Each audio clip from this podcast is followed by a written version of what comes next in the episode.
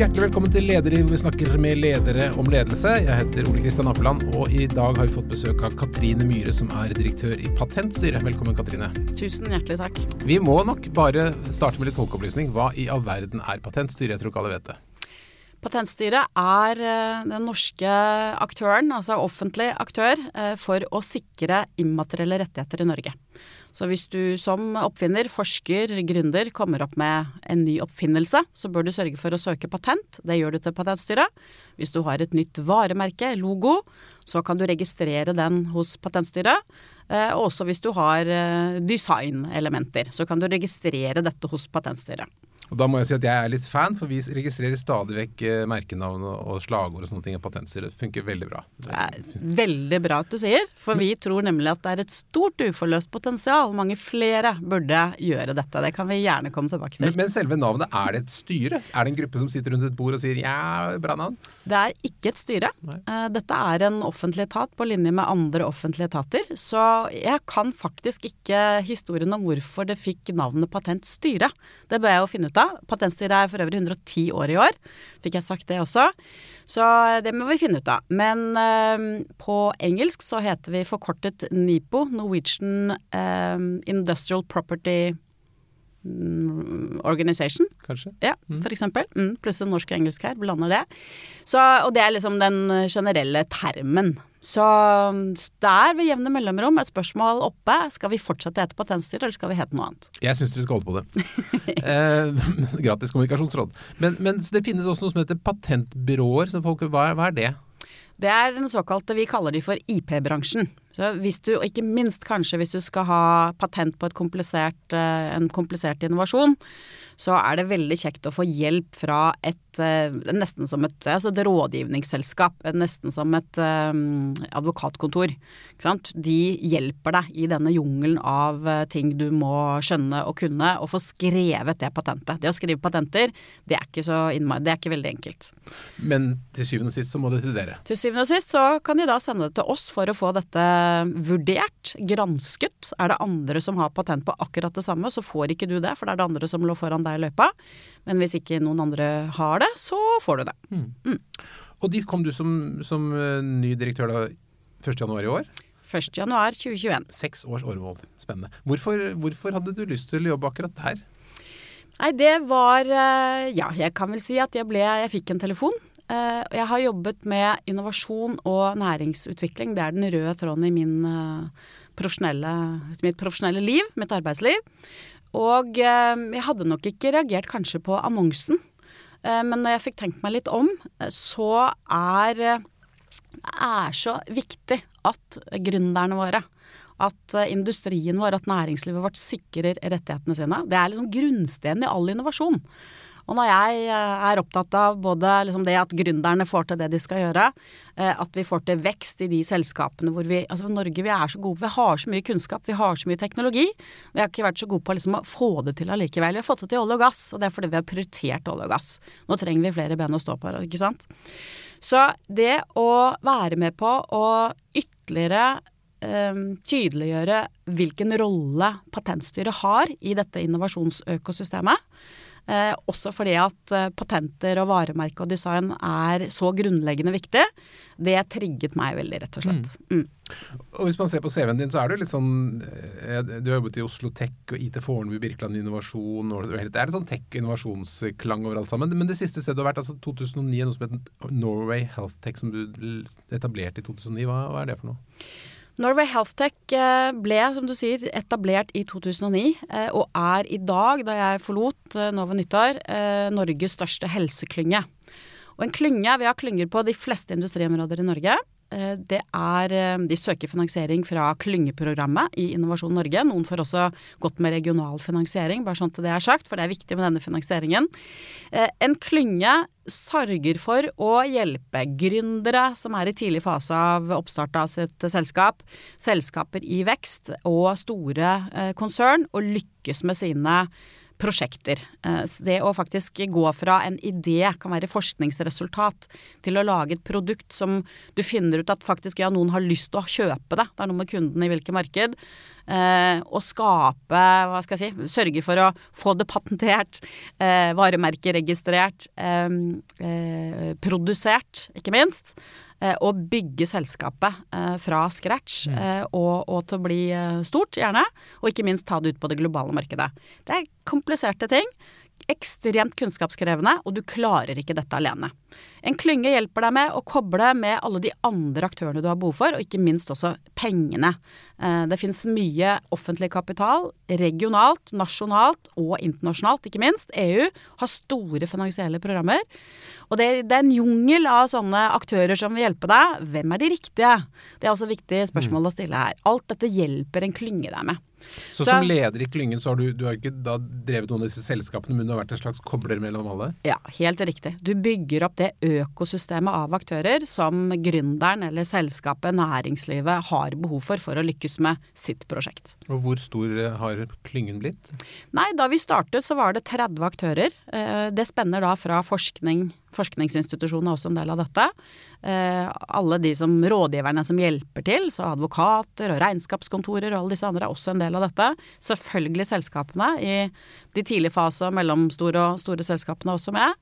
Eh, vi var 32 da vi startet, og da jeg gikk så var vi sånn ca. 270-280 aktører innenfor helseindustri. Både først og fremst nasjonale, men også internasjonale aktører. Ganske mange mennesker holder styr på?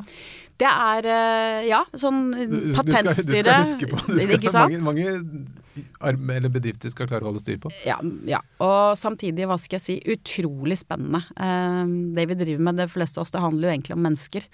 Så det der var en privilegert rolle å få lov til å ha. Å bli kjent med så mye mennesker og så mye innovasjon og teknologi. Hva tar du med deg av kunnskap om organisasjon og ledelse etter å ha bygget opp en sånn klynge? Åh, det eh, eh, første som slår en, er jo at eh, å lede eh, virksomheter uansett Jeg tror du må være innstilt på at ja, det er hardt arbeid. Mye og hardt arbeid. Eh, ha en plan, en god strategi, er eh, viktig. Hadde noen, også noen trøkker, det var jo ikke bare solskinnsdager. Men det er også greit, for det lærer du av.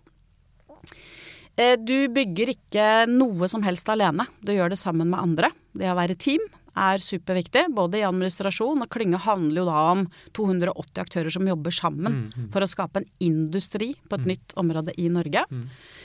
Um, og det å legge til rette for prosesser sånn at man får dette til, til faktisk å virke sammen, da. Uh, kjempeviktig. Um, for å få til det, så må du, du må kjenne det terrenget du jobber i, rett og slett. Uh, enten det er den nærmeste organisasjonen din, da var det mitt team i Norway Healthtech, nå er det hele teamet i Patentstyret. Mm. Uh, og det terrenget du skal bevege deg inn i. Uh, hvor er utfordringene, hvor er barrierene, men ikke minst også hvor er potensialet og mulighetene. Men du har sittet og sett på en masse helseteknologibedrifter da, i over ti år, og fulgt med på deres vekst og utvikling. Hvor mye betyr ledelse for om et selskap lykkes, tenker du? Jeg tenker at uh, selvfølgelig, ikke sant. Oppfinnelsen, innovasjonen er viktig. Det er, et, det er avgjørende utgangspunkt tilbake til om du får patent på det eller ikke. ikke sant? Det er jo en test på om det faktisk er unikt eller ikke det du har kommet opp med. Men uh, det blir ingenting av det. Ikke et produkt. Det når ikke kunden hvis ikke du har en leder som evner å bygge det selskapet, bygge det teamet i det selskapet, som gjør at dette lykkes. Så um, Hva, hva kjennetegner de som har gjort det best? Altså, kjenner de lederne som du har sett som har liksom lykkes godt i helseteknologi? Ja, de er eh, De evner jo å se potensialet der ute. Jeg tror at hvis du liksom famler i den lille nære ikke sant? Du er nødt til å ha perspektiv, være åpen for, se mulighetene. Um, viss form for risikovilje jeg tror jeg er helt avgjørende. Du må tørre å gjøre ting som andre ikke har gjort før være ny, og du må få med deg investoren på å gjøre akkurat det. Eh, men eh, da handler det ikke om gloss i salg. Det handler om å være ærlig og bygge tillit, bygge, bygge tillitsfulle relasjoner.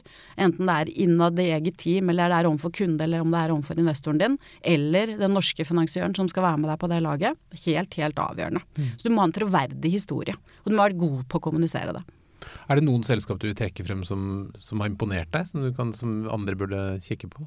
Ta jeg vet, Det er kanskje dumt å trekke frem noe, men, men bare for å ta ett selskap da, som også har fått internasjonal oppmerksomhet, det er selskapet Epigard. Og det starter med dette egentlig en ganske sånn, det er en god historie. Det starter med legen Fridtjof Heierdal, som tar imot, er en av de som tar imot den ene ebolapasienten vi fikk hjem til Norge. Og som ble helt sjokkert over den transportløsningen som vedkommende, eh, jeg tror det var en sykepleier, kom i. Det lakk. Og dette var, dette var sm ekstremt smittsomt. Mm. Det lakk ut. Pasienten hadde det helt forferdelig. Det var nærmest en sånn konstruksjon av et telt og noen stålstenger. Og tenkte dette må vi jo kunne gjøre bedre. Så gikk Fridtjof til Bård Eker og spurte vil du være med meg på laget. Jeg har noen ideer om hvordan vi skal gjøre det. Det er en prosess fram til vi har sluttproduktet, men jeg har lyst til å jobbe sammen med deg på det. Pluss noen andre. Bård Ekker er industridesigner, for de som ikke vet det. Ja. Ikke sant. Mm. Bård Ekker er industridesigner. Ja. Eh, og så lagde de da en kuvøse, ser ut som en kuvøse, men i full voksen stilling med luker så du kan liksom komme innom. Og det er bra for pasienten inni, og det er trygt for alle de som skal hjelpe deg fra utsiden av helsepersonellet som skal jobbe. Eh, og den eh, har jo nå, det produktet, har jo nå virkelig tatt av eh, i pandemien. Mm. Og ikke bare, ikke bare, Norge, og det skal vi huske på. Norge er et lite land. Vi har ekstremt mye å by på, men det store markedet vårt, uansett hva det gjelder, det er der ute. Ikke uansett hva det gjelder, men i hvert fall når det kommer til denne form for teknologi og produkter, da. Mm. Så, og de eh, Ja, så blant annet han godeste Sier man Naval, Naval Han russeren? Ja. som ble forgiftet. Riktig, ja. Ja, eh, og som skulle fraktes fra det ene stedet til, til Tyskland. Sant? Han ble f.eks. fraktet i denne epishuttlen, for de visste jo ikke hva, om det var dette smittsomt for andre osv. osv. Eh, det bildet går verden over. Det er klart det er fin eh, hva skal vi si, fin, kall det reklame for Epigard. Absolutt. Mm. Spennende. Ja. Så vi, La oss legge da helseteknologien bak oss. Så kommer du på kontoret kanskje, om ikke første nyttårsdag, så i hvert fall andre eller tredje rett etter nyttår, og er sjef for Patentstyret. Hvilke tanker har du da med deg? Hvordan, hvordan leder vil du være for Patentstyret? Jeg er, eh, jeg er, ansatt, jeg rapporterer til Nærings- og fiskeridepartementet. Jeg er ansatt for å være med på å videreutvikle Patentstyret. Det, ligger, eh, det er en fantastisk organisasjon med ekstremt kunnskapsrike, eh, flinke og ikke minst hyggelige mennesker. Ca. 250 stykker? Ca. 250 stykker. Mm. 85% har høyere utdanning. Men som jeg er også veldig opptatt av, det er like viktig at arkivfunksjonen fungerer som de som sitter og gransker patenter. Så det er jo mm. helheten her som utgjør summen som gjør at patentstyret er bra. Mm det å eh, sørge for å levere tjenestene våre på en effektiv og god måte til dere som er kunder, ikke minst deg, mm. når du registrerer dine nye logoer og andre ting, mm. det er kjempeviktig. Eh, og så vet vi, vi står jo også som organisasjon ovenfor eh, ny teknologi som kan tas i bruk for ytterligere å effektivisere våre arbeidsprosesser og de tjenestene vi tilbyr. Men til spørsmålet ditt, hva er viktig? Det aller, aller viktigste og det første som eh, jeg blir opptatt av, er jo å møte organisasjonen og bli kjent med organisasjonen. Eh, før Patentstyret så hadde jeg stort sett bygd opp egen virksomhet. Mm. Jeg hadde ansatt stort sett alle. Mm. Eh, og det å komme til en virksomhet med 250 fantastiske medarbeidere Eh, men da som eh, toppleder eh, Foreløpig ikke, ikke ansatt en eneste en. Det er, det, er, en annen Du må ha, gå inn med en litt annen tilnærming til det hele, da. På hvilken måte da? Nei, Det handler jo om å bli kjent med menneskene, bli kjent med organisasjonen. Jeg, ikke sant, For å kunne skape eller lage god strategi, så må du jo vite Én ting er jo hvor vi skal, men også hvor er du per i dag? Hva er det gapet imellom? Ehm, så bli kjent med organisasjonen, og organisasjonen består av mennesker. Og det å bli kjent med 250 stykker via hjemmekontor på Teams, det er, eh, det er en interessant øvelse. Hvordan syns du det har gått? Nei, Jeg syns det har gått over all forventning. Jeg har blitt ekstremt godt tatt imot. Ledergruppa var godt rigga og hva må vi sørge for å sette Katrine liksom inn i fra, fra, dag én. Fikk tre uker stort sett på kontoret før det var hjem på hjemmekontor. Brukte de tre ukene godt til å hilse på folk som da stort sett satt på hjemmekontor. Mm. Men um, i løpet av noen uker så var det jo noen innom. Og så gjennomførte jeg såkalt, jeg kalte det for heimøter. Heimøter på Teams. Mm. Og eh, brukte rett og slett akkurat sånn som du ville gjort hvis du satt rundt et uh, lunsjbord i kantina. Uh, hvem er du, hvor lenge har du jobbet her, hva er din bakgrunn, mm. hva motiverer deg, hva driver deg? Mm. Sendte ut spørsmål på forhånd så de var litt forberedt. Og så tok vi, og det tror jeg at folk bidrar til at ikke bare jeg ble i hvert fall litt kjent med mine medarbeidere, og da snakker vi om hele patentstyret, Mm. eh, oss, men, men også kanskje at medarbeidere ble kjent med hverandre, faktisk. Men har du fordi- snakket med alle? Nei, jeg har jo ikke det. Så i dag, nå denne uka her, kjenner jeg nå skal jeg med på kontoret. Og så møter jeg stort sett en til to til tre som jeg enda ikke har hilst sånn uh, face to face på enda. Det gjør jeg nå hver dag, og det er fint. Så jeg kommer vel gjennom kanskje Kanskje rekker jeg helse på 250 i løpet av året, i hvert fall.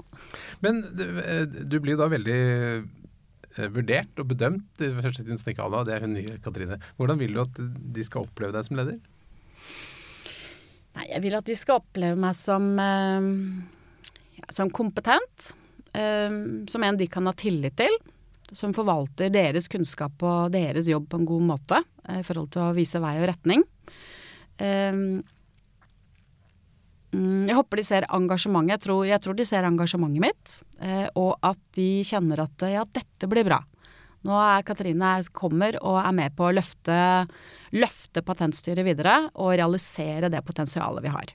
Hvordan er du ikke vil være da? Hva er du liksom redd for? At, hva, hva tenker du at du skal passe deg for å bli? Oi, hva jeg skal passe meg for å bli.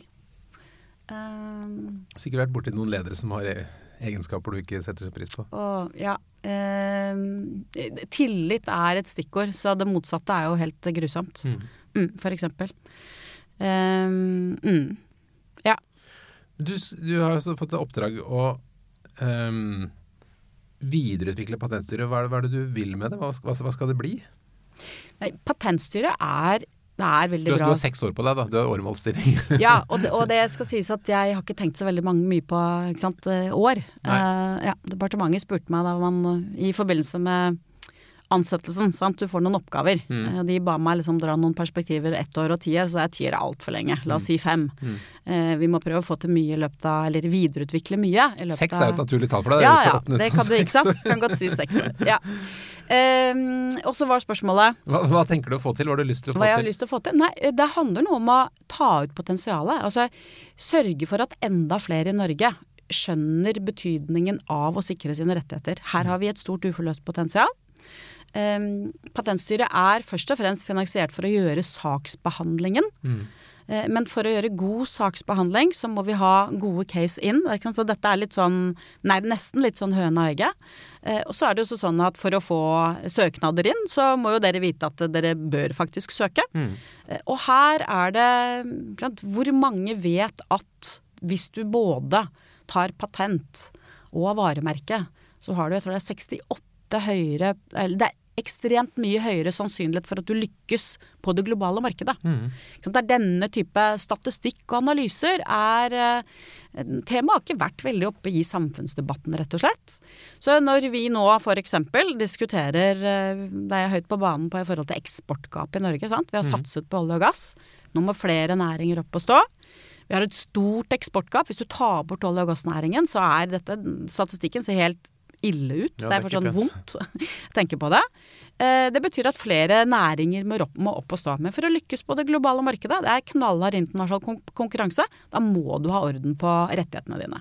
Men er det slik at man kan komme til dere og få hjelp til å registrere noe over hele verden? Ja, Det kan du. Så jeg kan, hvis jeg har, finner opp en ny kaffekopp, så kan jeg få patentert over hele verden? Ja, Mm. hvis du skal selge den i hele verden og ser at du trenger beskyttelse i hele verden Det er ikke sikkert du trenger det for kaffekoppen, men hvem vet. Eh, men for noen er oppfinnelser, ikke sant, så, så må du det. Da får du hjelp eh, av oss til det. Men etter hva jeg skjønt, så er det veldig kostbare prosesser. At nystartede virksomheter ofte må vurdere hvor mye penger de skal bruke for å registrere patenter hvis de skal gjøre det rundt i verden. Sånn, vet du noe om det? Patenter koster penger over tid, men allikevel så er det en veldig liten investering i forhold til potensiell oppside. Mm. Eh, og så er det jo ikke sånn at du behøver å ta all kost med en gang. Du, kan jo, du må legge en strategi, og det er viktig. Igjen, et, et punkt vi har snakket for lite om. Sant? Hvordan, bør, hvordan bør den strategien se ut for det enkelte selskapet? Og det å bygge kompetanse om hvordan bygge strategien din knytta til hvor, hvordan eh, om, og hvilke markeder du beskytter i når, det er det altfor få som kan noe om, og som ikke minst snakker for lite om. Mm. Varemerket er veldig, veldig billig. Mm. For ekstremt mye for 5000 kroner. Sant? Så det er, liksom, det er nesten ikke noe å lure på engang, tenker jeg. Nei, og det har vært en del leie konflikter om folk som ikke har vært flinke til å registrere, da, og som plutselig opplever at andre bruker navnet sitt, f.eks. Helt riktig. Så jeg vet ikke om du så det, men bare sånn ett eksempel. Eh, Tix har jo nå registrert. Jeg så Melodi Grand Prix norske og tekstet til eh, Bernt hos meg, som er leder av varemerket, og spurte har Tix registrert. Nå må vi liksom ikke så bør vi liksom gjøre han oppmerksom på dette. Nå skal han ut og bli internasjonalt kjent. Så viste det at det hadde han faktisk tenkt på. Så han hadde sendt inn bare noen uker i forkant. Det var jo bra. Men han har jo, for de som har lest saken i VG, så han har registrert for veldig mange ting. Mm. Også de tingene han ikke vil at uh, artistnavnet hans skal assosieres med og brukes i forhold til. Ja, Så man registrerer for ting man ikke vil at andre skal ta, rett og slett? Øl, mm. sexleketøy mm. osv. Mm. Mm.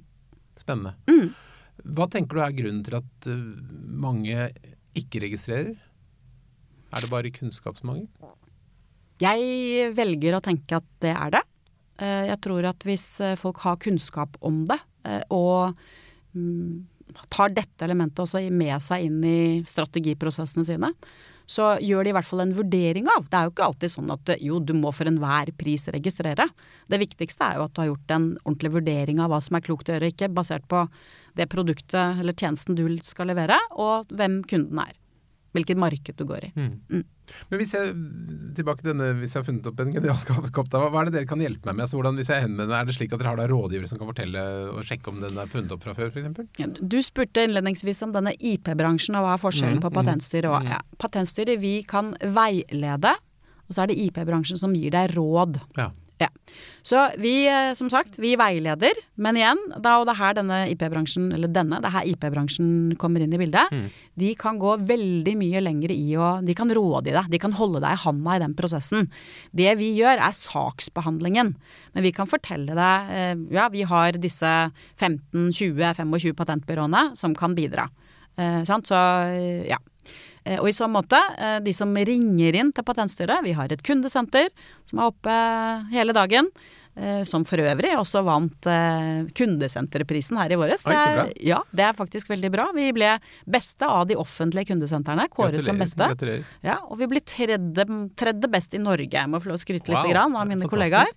Og da sammenlignes vi oss med Telenor og teleselskaper, hotellselskaper og busselskaper og alle andre. Så gøy. Ja, så det er vi faktisk eh, Poenget er, lurer du på noe knytta til dette, ring gjerne kundesenteret til Patentstyret. Men er det ofte slik at folk eh, tror at de har funnet på noe og prøver å registrere, og så er det noen andre som har tatt allerede? Jeg så en statistikk i går, eh, og i, hvis ikke jeg tar helt feil nå, så cirka, hvis jeg sier ca. 50, eller jeg tror det var 55% av de som leverte patent, fikk innvilget patent.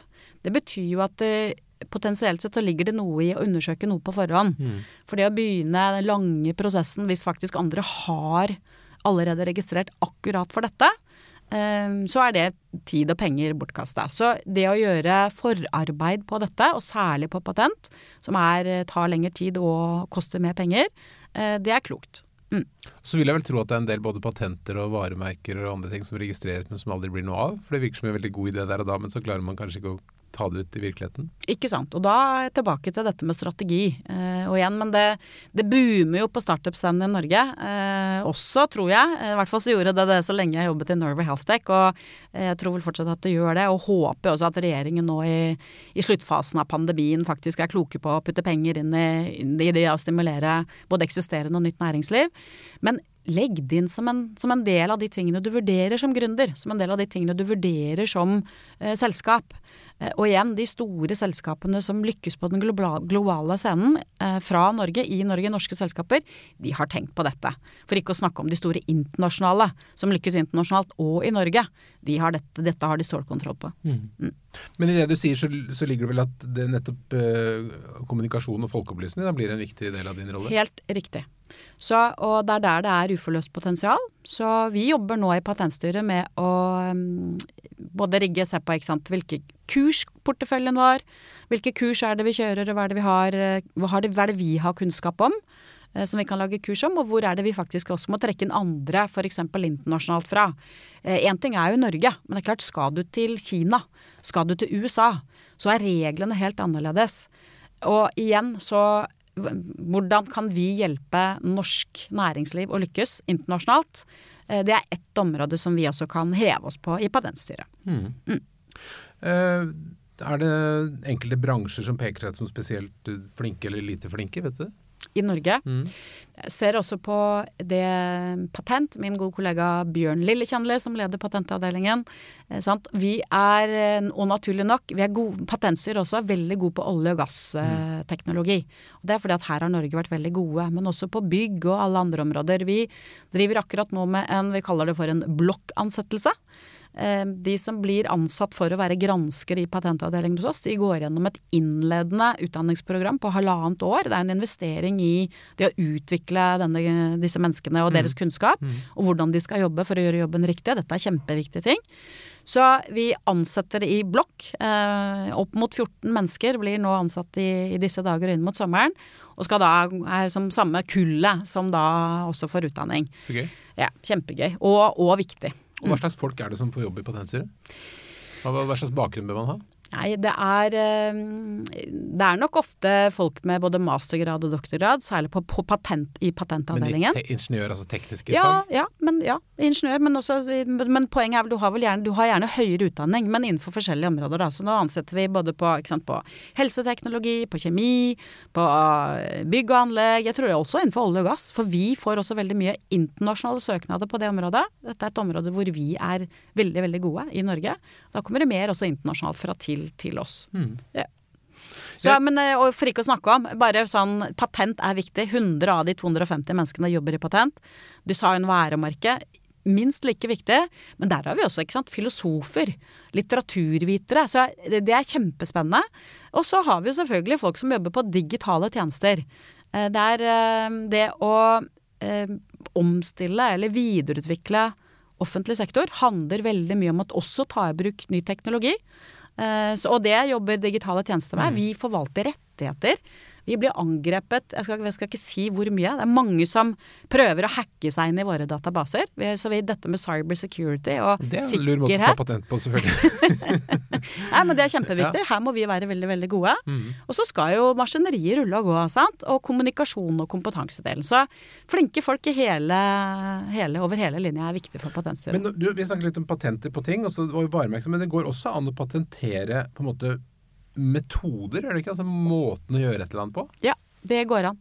Og når jeg nå sier ja, det går an, så kjenner jeg at da trekker jeg på kompetansen fra Norway Healthtech mer Ja. enn fra Patentstyret. For det er ikke jeg som sitter og gjør jobben, jobben men svaret er ja. Det er helt riktig. Spennende. Mm.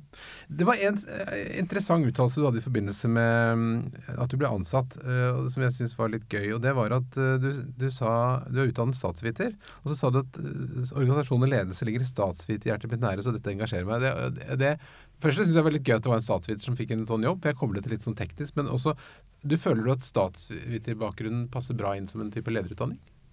Ja, det gjør jeg. Og så er det selvfølgelig alltid kobla med personlighet, sant. Eh, hvem du er som person og hva slags drive du har osv. osv. Men eh, for meg, eh, så hele veien rundt om, altså Norway Healthtech også, handlet jo om å Du skal skjønne det økosystemet du er i. Eh, og da er statsvitenskapsbakgrunnen eh, kjekk å ha. Og jeg tenker jo at Hvorfor det? Ja, hvorfor det? Mm, Som statsviter så og Jeg har jo, sant, jeg har, pleier å si at jeg har jo aldri hatt en vanlig statsviterjobb, pleier jeg å si. Jeg gikk ikke rett i departementet, syns alltid departementet er kjempegøy. Og det er også noe av det som jeg syns er veldig morsomt nå. Jeg kjenner jo at da liksom statsviteren i meg, den våkner litt når jeg faktisk nå rapporterer til depart- Ja, ja. departementet. Vi hadde såkalt etatsstyringsmøte i går ettermiddag. Ehm, Da er det ordentlig, sant. Hva er det vi skal oppnå av mål, og hva er det vi faktisk har fått til så langt i år? Ehm, det er kjempemorsomt. Um, ja. Um, men statsviteren er skjønner, Du skjønner eh, strukturer, eh, det finansielle rundt ting. Eh, Patentstyret er en offentlig etat og inngår i dette økosystemet. Og fra den andre jobben min, så er det noe jeg har jobbet med, så er det jo innovasjonsøkosystem. Ta med meg det inn i denne, inn i denne jobben. Og jeg tenker at statsvitere bør ha forutsetninger for å skjønne, forstå og ikke minst agere i forhold til disse strukturene vi, vi er i.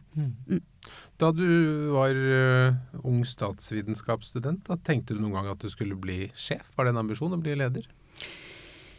Nei, jeg har aldri hatt det som, som, som mål. Det har blitt sånn, tror jeg. Jeg tror det er riktig å si. Um, og samtidig så er det noe med Ja, det ligger vel kanskje naturlig for meg, da. Jeg måtte tenke litt her eh, Ok, når, Ja. når, var, det dette, når var det dette begynte, på en måte? Um, ja. Så um, leder av studentparlamentet. Vet ikke for noen av dere som husker i Mm. 1993. Da var, jeg var leder av studentparlamentet ved Universitetet i Oslo. Og jeg lærte egentlig Det er ganske stort.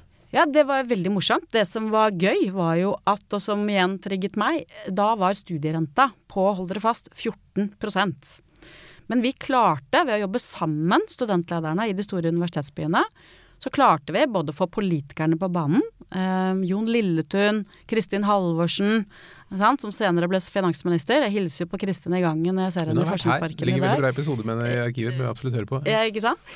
Eh, poenget var, de skjønte at det å ha en studierente på 14% var helt håpløst. Så vi klarte å, i løpet av den høsten, eh, det var mye, vi klarte å få til demonstrasjoner. Jeg tror vi var 20 000-25 000 studenter i gatene i Oslo. Ikke sant? Det å organisere det. Eh, og poenget var at politikerne lytta til oss fordi vi hadde et godt budskap.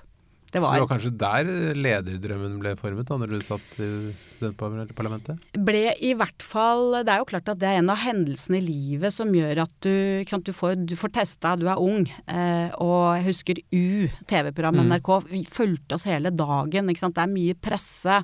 Eh, du må stå på direkten på NRK og forsvare eller eh, forklare hvorfor noen studenter har okkupert lesesalen på HF. Eh, mange, det er en ekstrem eh, læringskurve i løpet av det året. Mm.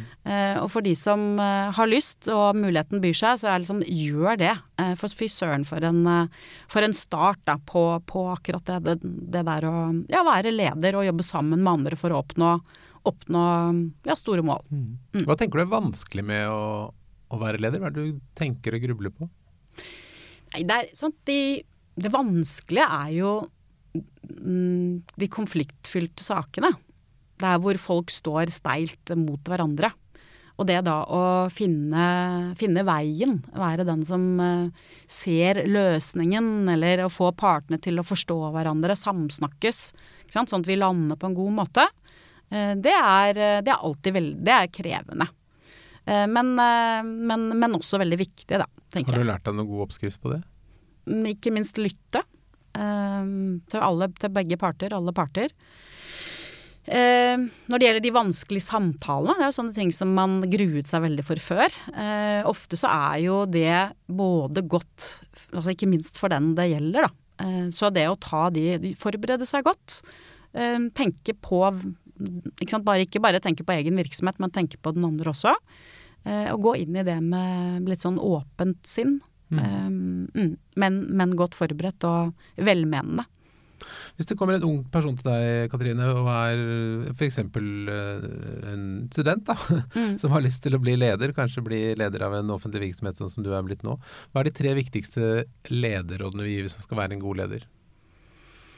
Nei, det er jo å eh, bli kjent med å bygge tillit til medarbeiderne dine. Mm.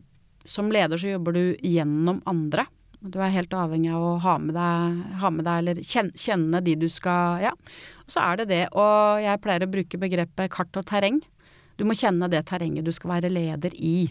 Og ikke bare menneskene, men de problemstillingene og de, de målene du skal oppnå. Hva er det kartet, hva er virkemidlene du har til rådighet, både finansielt og ressursmessig? Eh, rammebetingelsene. Alt dette må du skjønne, og du må skjønne det selv. Så i hvert fall er ikke jeg en sånn eh, glossy leder. Jeg, jeg må ned i materien, jeg må skjønne det og forstå det. Eh, Først da klarer jeg å, å, da klarer jeg å virke som en god leder. Men her har du jo teamet ditt, lederteamet ditt, er jo alfa og omega. Og det å sørge for å bygge godt team, eh, kjenne hverandre. Eh, også, for det kommer til å storme også. Også sånn at man kan eh, gå gjennom de stormene og gå ut på andre siden på, på god måte med gode, gode resultater. Også med Ja, det er Men, viktig. men, nummer én var kjennende teamet og godt, godt team, andre var kart og terreng. Var det et, også et tredje råd oppi der også? Var det det? Eh, du sa ja, team. Her ble det mye Ja. Eh, flere ting. Men ja. Mm, eh, kjenne teamet ditt er kjempeviktig. Jobbe gjennom andre og kjenne teamet ditt. Mm. Eh, kart og terreng. Sett deg inn i sakene. Og nummer tre var Eh, nei, si det. Vær forberedt. Eh, hardt arbeid. hardt arbeid, tror jeg er et godt råd. Mm. Det det, det syns jeg er veldig god, en god oppsummering. Jeg ønsker deg lykke til med jobben med, med Patentstyret. Jeg skal passe på å være flink og søke masse patenter, i hvert fall. I hvert fall varemerker skal vi registrere masse av. Ja. Takk for at du kom til Lederliv. Tusen takk for at jeg fikk komme.